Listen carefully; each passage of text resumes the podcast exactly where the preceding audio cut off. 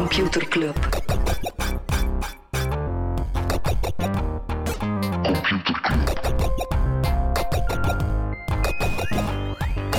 Computer Club. Hey Smolly, Hey Freddy, welkom, welkom terug. welkom. Welkom bij Computer Club, een wekelijkse podcast over technologie. Iedere aflevering selecteren Freddy en ik een interessant artikel en presenteren we een feitje. Ja, niet elke week haalt alles de selectie. Nee, ja, we zijn eh, meedogenloos. Wat, eh, wat, eh, waar gaan we het niet over hebben, Smolly? We gaan het niet hebben over ehm, Facebook. Facebook heeft echt nog maar net de Off Facebook Activity gelanceerd. Dat is een soort tool waarmee je al je data kan downloaden. En dan kan je zien welke andere apps geven toestemming aan Facebook om jou eh, te monitoren. Aha. Voor Matthias Andriessen, die heeft dat op, in onze Facebookgroep ook gepost, die heeft dat voor zichzelf gedaan. Hij heeft ontdekt dat Facebook weet wanneer dat hij KBC Mobile opent, wanneer dat hij Coolblue opent, wanneer dat hij de site van HLN bezoekt, wanneer dat hij een NMBS-ticket koopt zelfs. Oh. Dus het is wel echt een zot overzicht. Oké, ik ging zeggen van, oké, ja, een beetje obvious, maar inderdaad, nee, dat is, Nee, nee, daar nee. ik ook wel van verschieten, Zo, moesten het, het aankopen van iets bij NMBS wordt zelfs getrackt door Facebook. Oké, waar gaan we het nog niet over hebben? Eh, een, eh, we, we hebben het veel over de streaming wars, eh, Mhm. maar die zijn er dan vooral op vlak van tv, maar die zijn ook op, op vlak van muziek serieus bezig. Onverwachte succesvolle speler. Amazon Music. Wat? 55 miljoen betalende subscribers. Maar ja, dat zijn dan misschien mensen die Prime hebben en Daar ben dan ik on niet- nog een keer eh, Daar Amazon ben ik niet Music zeker van. Daar ben ik niet zeker van. Maar om dat in eh, context te schetsen, Apple heeft er 60 miljoen Ja. en Spotify 113 miljoen. Dus die zitten wel nog een stuk erbuiten. Hij betalende dan. Mhm. Ehm, maar blijkbaar zouden, eh, zou Amazon Music een soort eh, ja, eh, een segment pakken, zo wat oudere, oudere mensen, die, nog niet, die ervoor nog niet op Spotify of Apple Music zaten. Oké, met zo'n exclusieve deal van de nieuwste muziek van Mozart en Bach. Ladies hits. ja.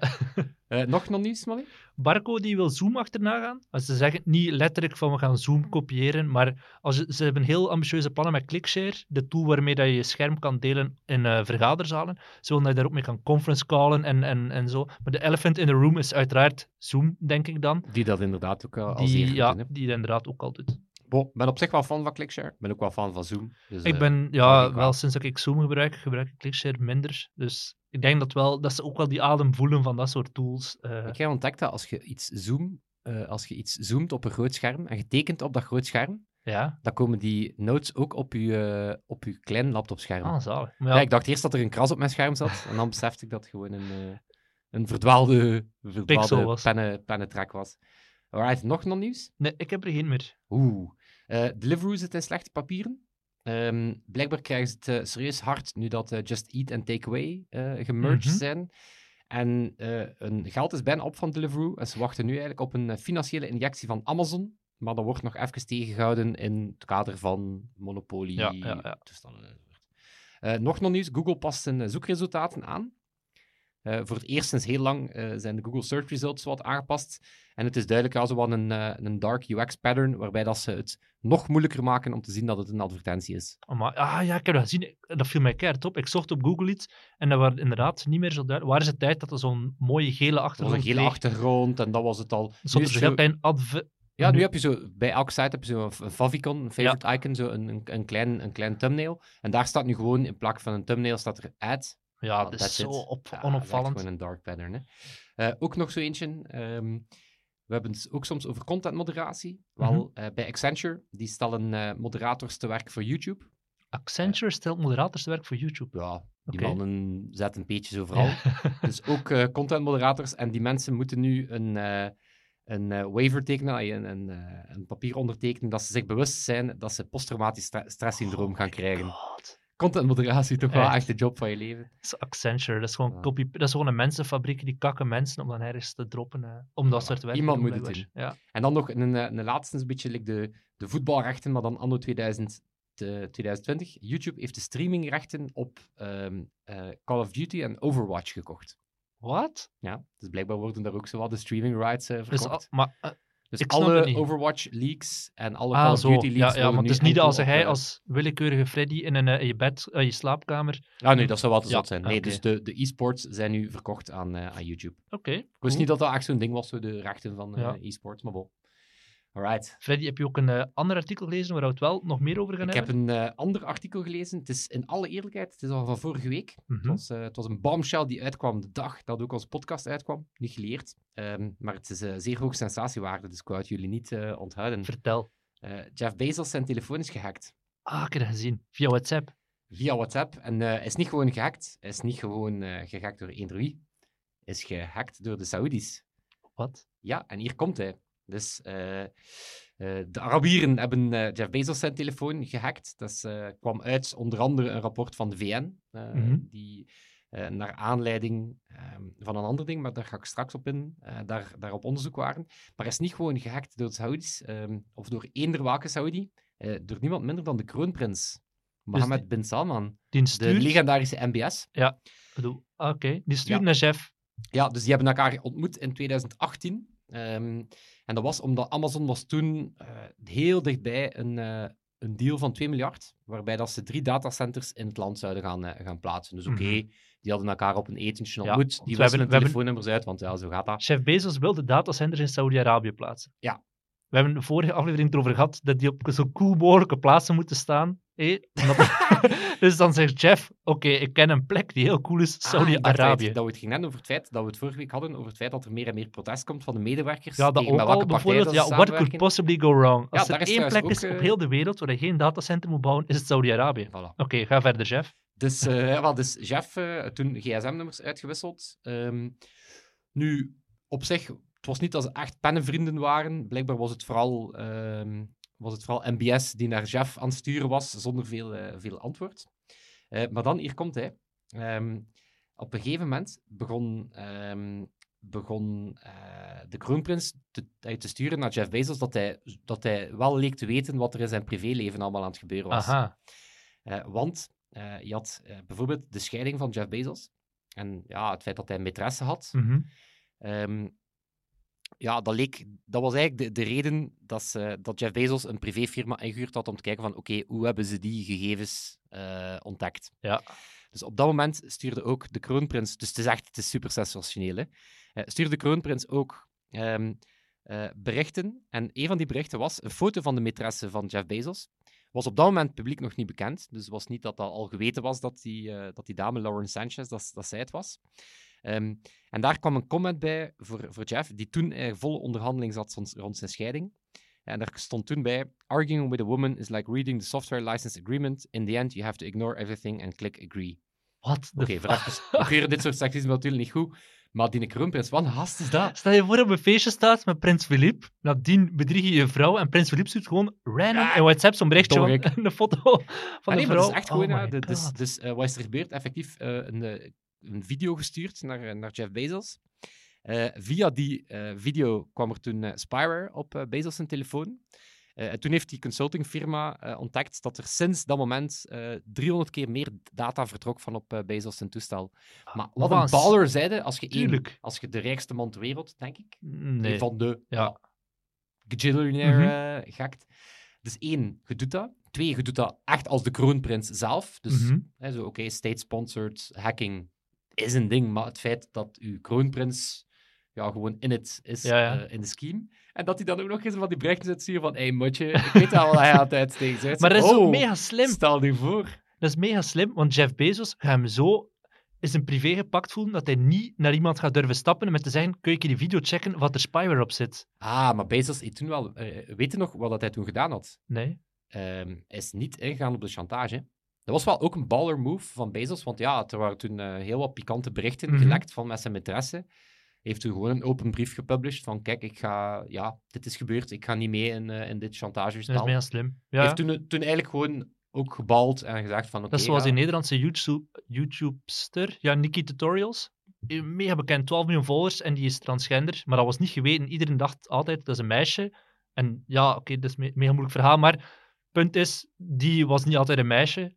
En eh, er waren mensen aan het chanteren. Heeft toen gewoon een YouTube-video gezegd van, kijk, dude, eh, ik ga niet meegaan in de chantage. Ik ben gewoon een vrouw. Eh, en ooit was ik geboren in een mannelijk lichaam. Maar dat is ook Voilà. zo'n dezelfde baller move. ja, om daar niet in mee te gaan. Op zich wel cool van Bezos, maar ehm, dus wat was eigenlijk de reden voor die hack? Dus ja, het is, het, is, het is eigenlijk crazy. Hè? Dus Jeff Bezos bezit onder andere ook de Washington Post. Mhm. En dan ja. schreef er toen voor de Washington Post, maar we spreken nu wel over 2018, voor alle duidelijkheid. Die hack is al Mhm. eh, een tijdje oud. Hij komt nu uit in het kader van een, een documentaire naar de moord op Khashoggi. Ja, Khashoggi? de journalist. Er was een columnist voor de Washington Post, die natuurlijk ja, zich heel veel uitliet tegen het regime van de Mhm. Saoedi's.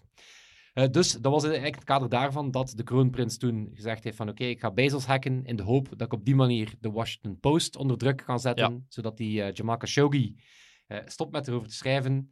Ehm, maar bon, met alle gevolgen van dien, want die werd toen op een behoorlijk brutale manier om het leven gebracht. mhm.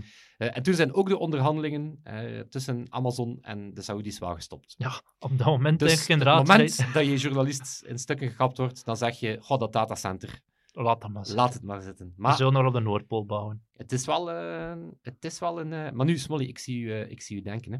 Jij bent op dit moment aan Jeff Bezos zijn fluit aan het denken. Hè. Natuurlijk, altijd. En niet alleen op dit moment. Maar Of wat zeg iedereen maar, op dit moment denkt, is dit nu... eh, is het hiervan eigenlijk dat, we, ja, dat die echtscheiding bekend is geraakt? Of dat die dickpics, eh, voor zover dat er al waren, of dat die pikante berichten uitgelegd zijn? dat weet ik niet. Ja. Is dat Nee. daardoor? Nee, dat was, eh, dat was dan het ding van, komt het dan, is het dan letterlijk door de kroonprins van Saudi-Arabië dat de wereld ook geleerd heeft van, eh, van, eh, van Jeff zijn affaire?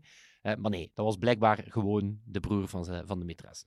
Oh, Ja, dus dat was, dat was, eh, het is fantastisch dat dan eh, in het kader van, eh, heeft een, de kroonprins van een land een van de rijkste mensen ter wereld gehackt, is dan de vraag, hoe? En leidde dat dan tot het lekken van fluitfoto's?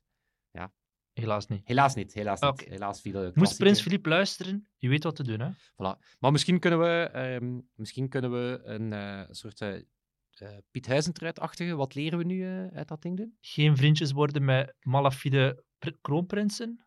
Ja, inderdaad. Dat is de eerste. Nooit, ber- nooit berichten openen van de kroonprins van Saudi-Arabië. Mhm. Nooit berichten openen, zelfs niet van mensen die je kent, waarvan dat je niet weet wat het is. Dus als Ja. iemand, nee, maar letterlijk, als iemand zo'n rare video stuurt, Ik stuurt had dat dat gewoon onlangs met een, met een collega die een foto naar mij stuurde en die zegt, wil je dit printen? Maar dat was zo'n zip-file. Dus ik zeg, Kevin, je dat serieus of is dat iemand anders? Zei, nee, nee, het is echt, ben ik en je moet erop klikken. En het is naast mij komen staan. Het was een foto van Toon, onze, onze technicus, met een eh, met een koala. koalabeer.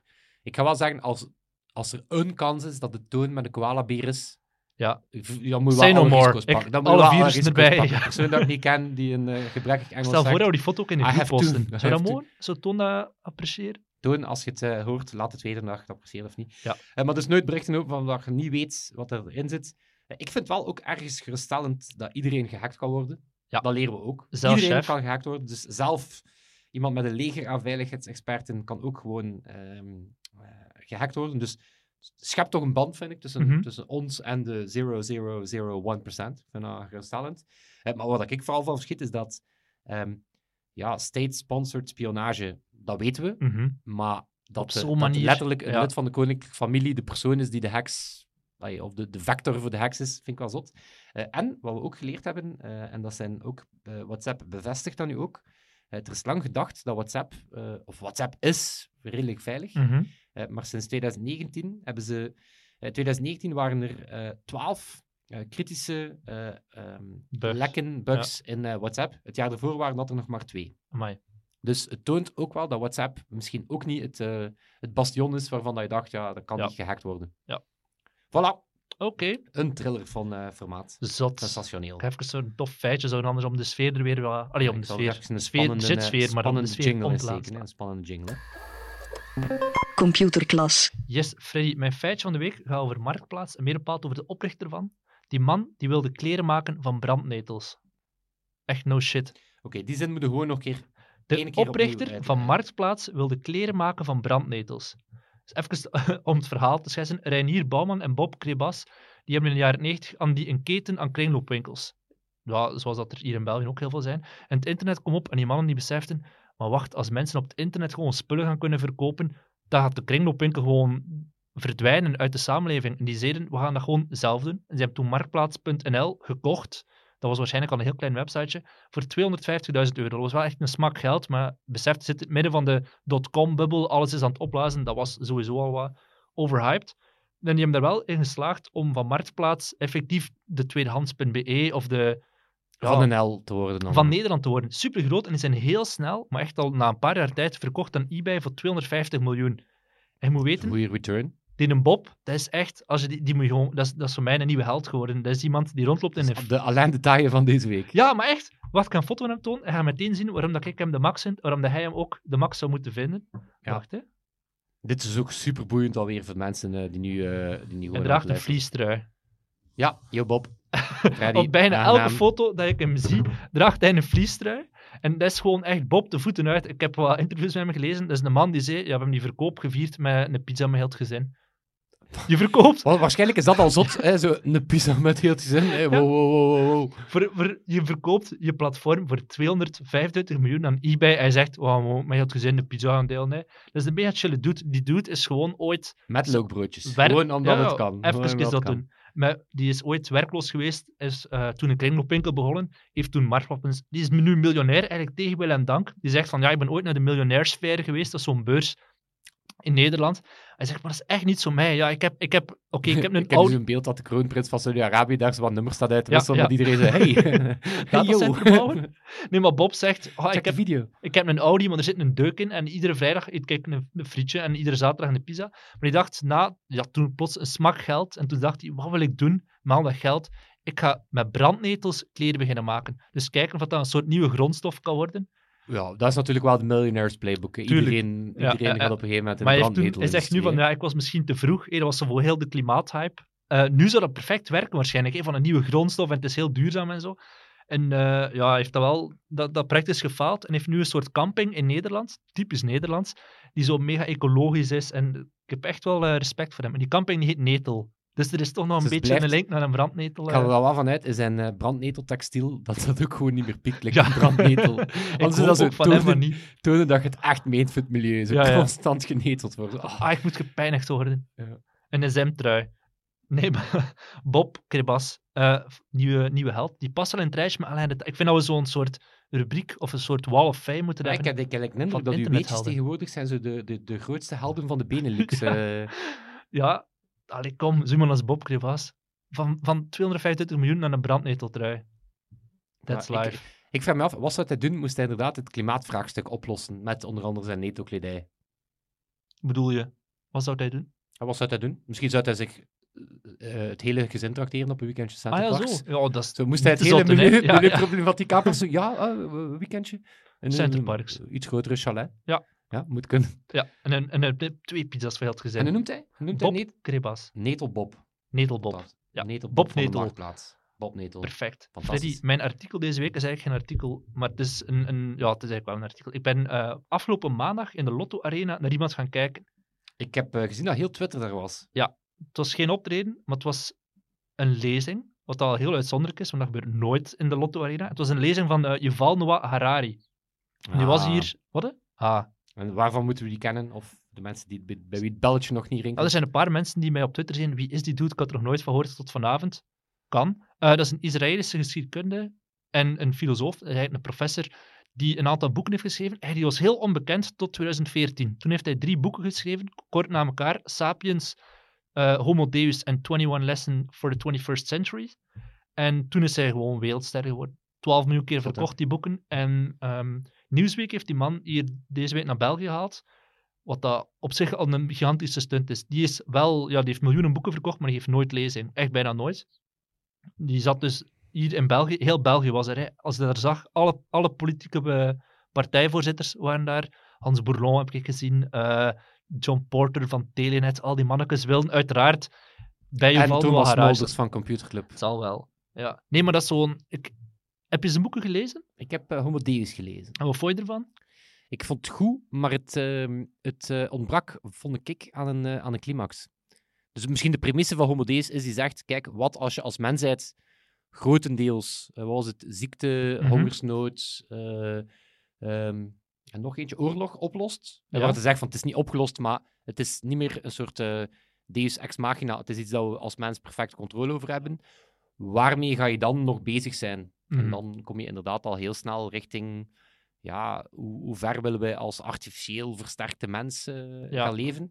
Eh, en die premisse vond ik heel goed, maar op het einde dacht ik zo, op het einde van het boek was zo, ah ja, ik had zo het gevoel dat er zo geen grote ontknoping kwam. Ja, ja wel, er heeft, ik vind dat met, met heel veel van zijn dingen is heel ambitieus. Hè. Ben, met Sapiens wilde voor heel de mensheid in beeld brengen van waar komt vandaan heel de geschiedenis. En dan heb je zijn andere boek gehad dan waar gaan we in de toekomst naartoe. Razend ambitieus. Maar omdat hij zoveel wil doen in één boek, is het vaak zo heel veel van alles, maar nergens diepgaand genoeg. En dat is zo'n beetje ook wat ik in zijn lezingen ook wel wat merk. En ik vind ook dat hij heel vaak, net zoals ik heb hem vergeleken met zo'n mensen als Rutger Bregman en Dirk de Wachter en Malcolm Gladwell, die doen zo aan cherrypicking. Die hebben een idee en die gaan nadien gaan zoeken in de wetenschap of dat er ergens wel onderzoeken ooit geweest zijn waarin dat hun punt eh, bevestigd wordt. Bij Rutger Bregman bijvoorbeeld, die is pro-basisinkomen. Dan zegt hij altijd, ja, er was een Canadees dorpje in de jaren 70 waar ze het geprobeerd hebben en daar werkt het, dus moet het nu voor iedereen.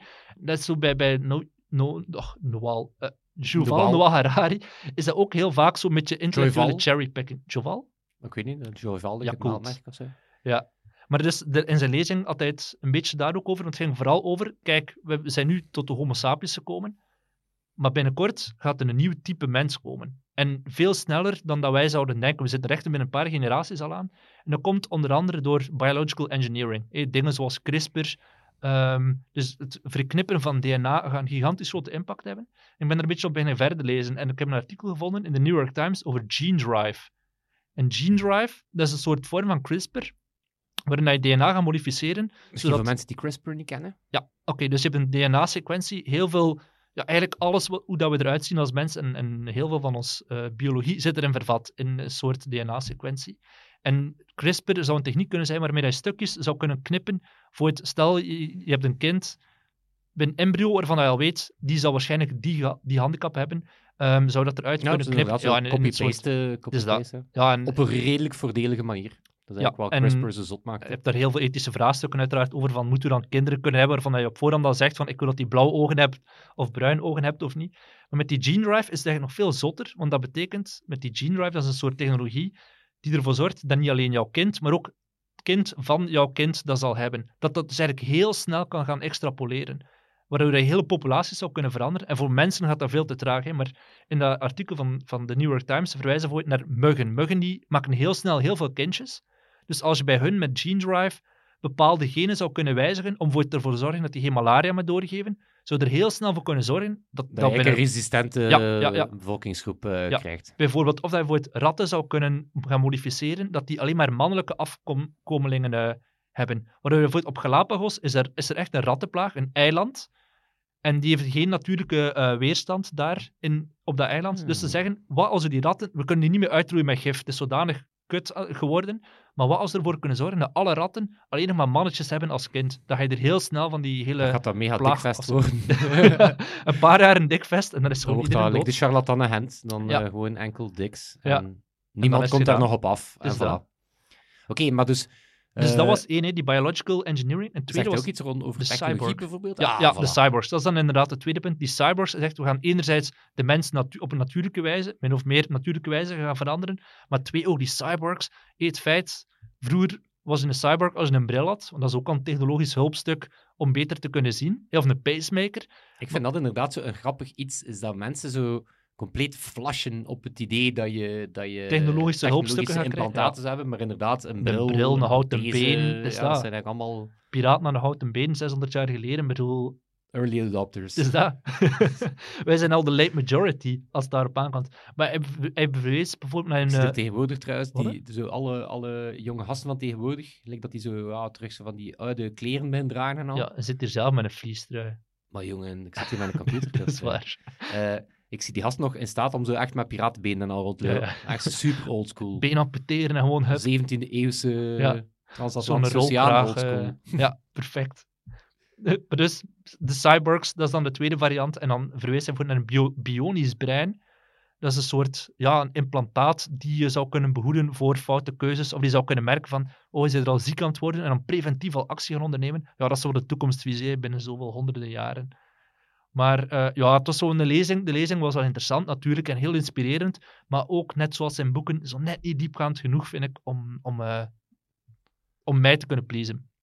Met hè. one-liners waarschijnlijk. Ja, ja, goede one-liners, toffe beelden, heel goede metaforen. Mhm. Dus ik denk dat de politici in de zaal wel wat geïnteresseerd gaan zijn. En als ze nu kunnen zeggen, zo in Ah, name ja, wij hè, van ja, ja, ja, Harari, voor de ja, week nog gezien, eh, Ja, rond de jaar denk ik daar Ja. het, het- het- zo bionisch brein, hè. Ja. nee, maar artikel, los daarvan, het artikel over gene driving, dat staat niet in die lezing van Harari, maar heb ik wel beginnen zoeken in mijn opzoekwerk erover, van op de New York Times, mega lange longread. Haha, een lange mega longread. lange long read. Ja, maar wel interessant, om zo een keer na te denken over oké, het is niet per se de mens dat we moeten modificeren, maar we kunnen ook gewoon de insecten of de ratten of ander soort dieren gaan modificeren om ook onze problemen eh, mee op te lossen. Ja, maar inderdaad, zoals hij zegt, ja, super ethisch vraagstuk. Hè, van van Ja, ja. bepaalde modificaties. Maar ten eerste heb je al, als je gewoon klassiek, ehm, eh, kla- klassiek eh, genetisch kweekt, Mhm. door, eh, door soorten met elkaar te kruisen enzovoort, daar hebben mensen minder een probleem mee. Ja. Het moment dat je het dan via CRISPR doet, wel iets meer. Ja. En dan nog heb je inderdaad de strekking van, oké, als het duidelijk is dat we daarmee een ziekte uitroeien, of Ja, ja. En ik denk dat een mensen inderdaad... eigenschap versterken. Maar als het bij de mens grens tussen zo designer baby's en je zo inderdaad ja. van een, een bepaalde ziekte of resistent gaan maken tegen een bepaalde ziekte, top. Maar inderdaad, als je dan zegt van eh, die baby gaat supergoed kunnen zingen, dan... Ja, waar ligt de grens dan nog? Ja, voilà. Ja, maar dus het interessante van het artikel vond ik dus wel de gene driving bij insecten en zo in plaats... Moet niet altijd bij de mens zijn. Misschien dat we zo al die drempel kunnen overwinnen. voilà. Oké, dan, eh, dan denk ik dat we eruit kunnen gaan. Ja, wij moeten wel iemand speciaal bedanken deze Wij week. moeten eh, niet Sebastiaan bedanken. Ook niet Eh, Toon. ook niet doen. Die zijn op reis, wat een gegund is. Sebastiaan zit zelf het werk in het buitenland. Hey, we moeten Victor bedanken, die deze week de edit gaat doen. Merci Victor. Ik weet zelfs niet eens wie dat Victor is, of hoe dat hij eruit Er is ziet. iemand uit onze computerclub. En eh, voilà, als de club in nood is, dan eh, helpen we elkaar. Merci Victor. Waarvoor grote dank. Tot volgende week. Tot volgende week. Yo. Yo. Computer Club.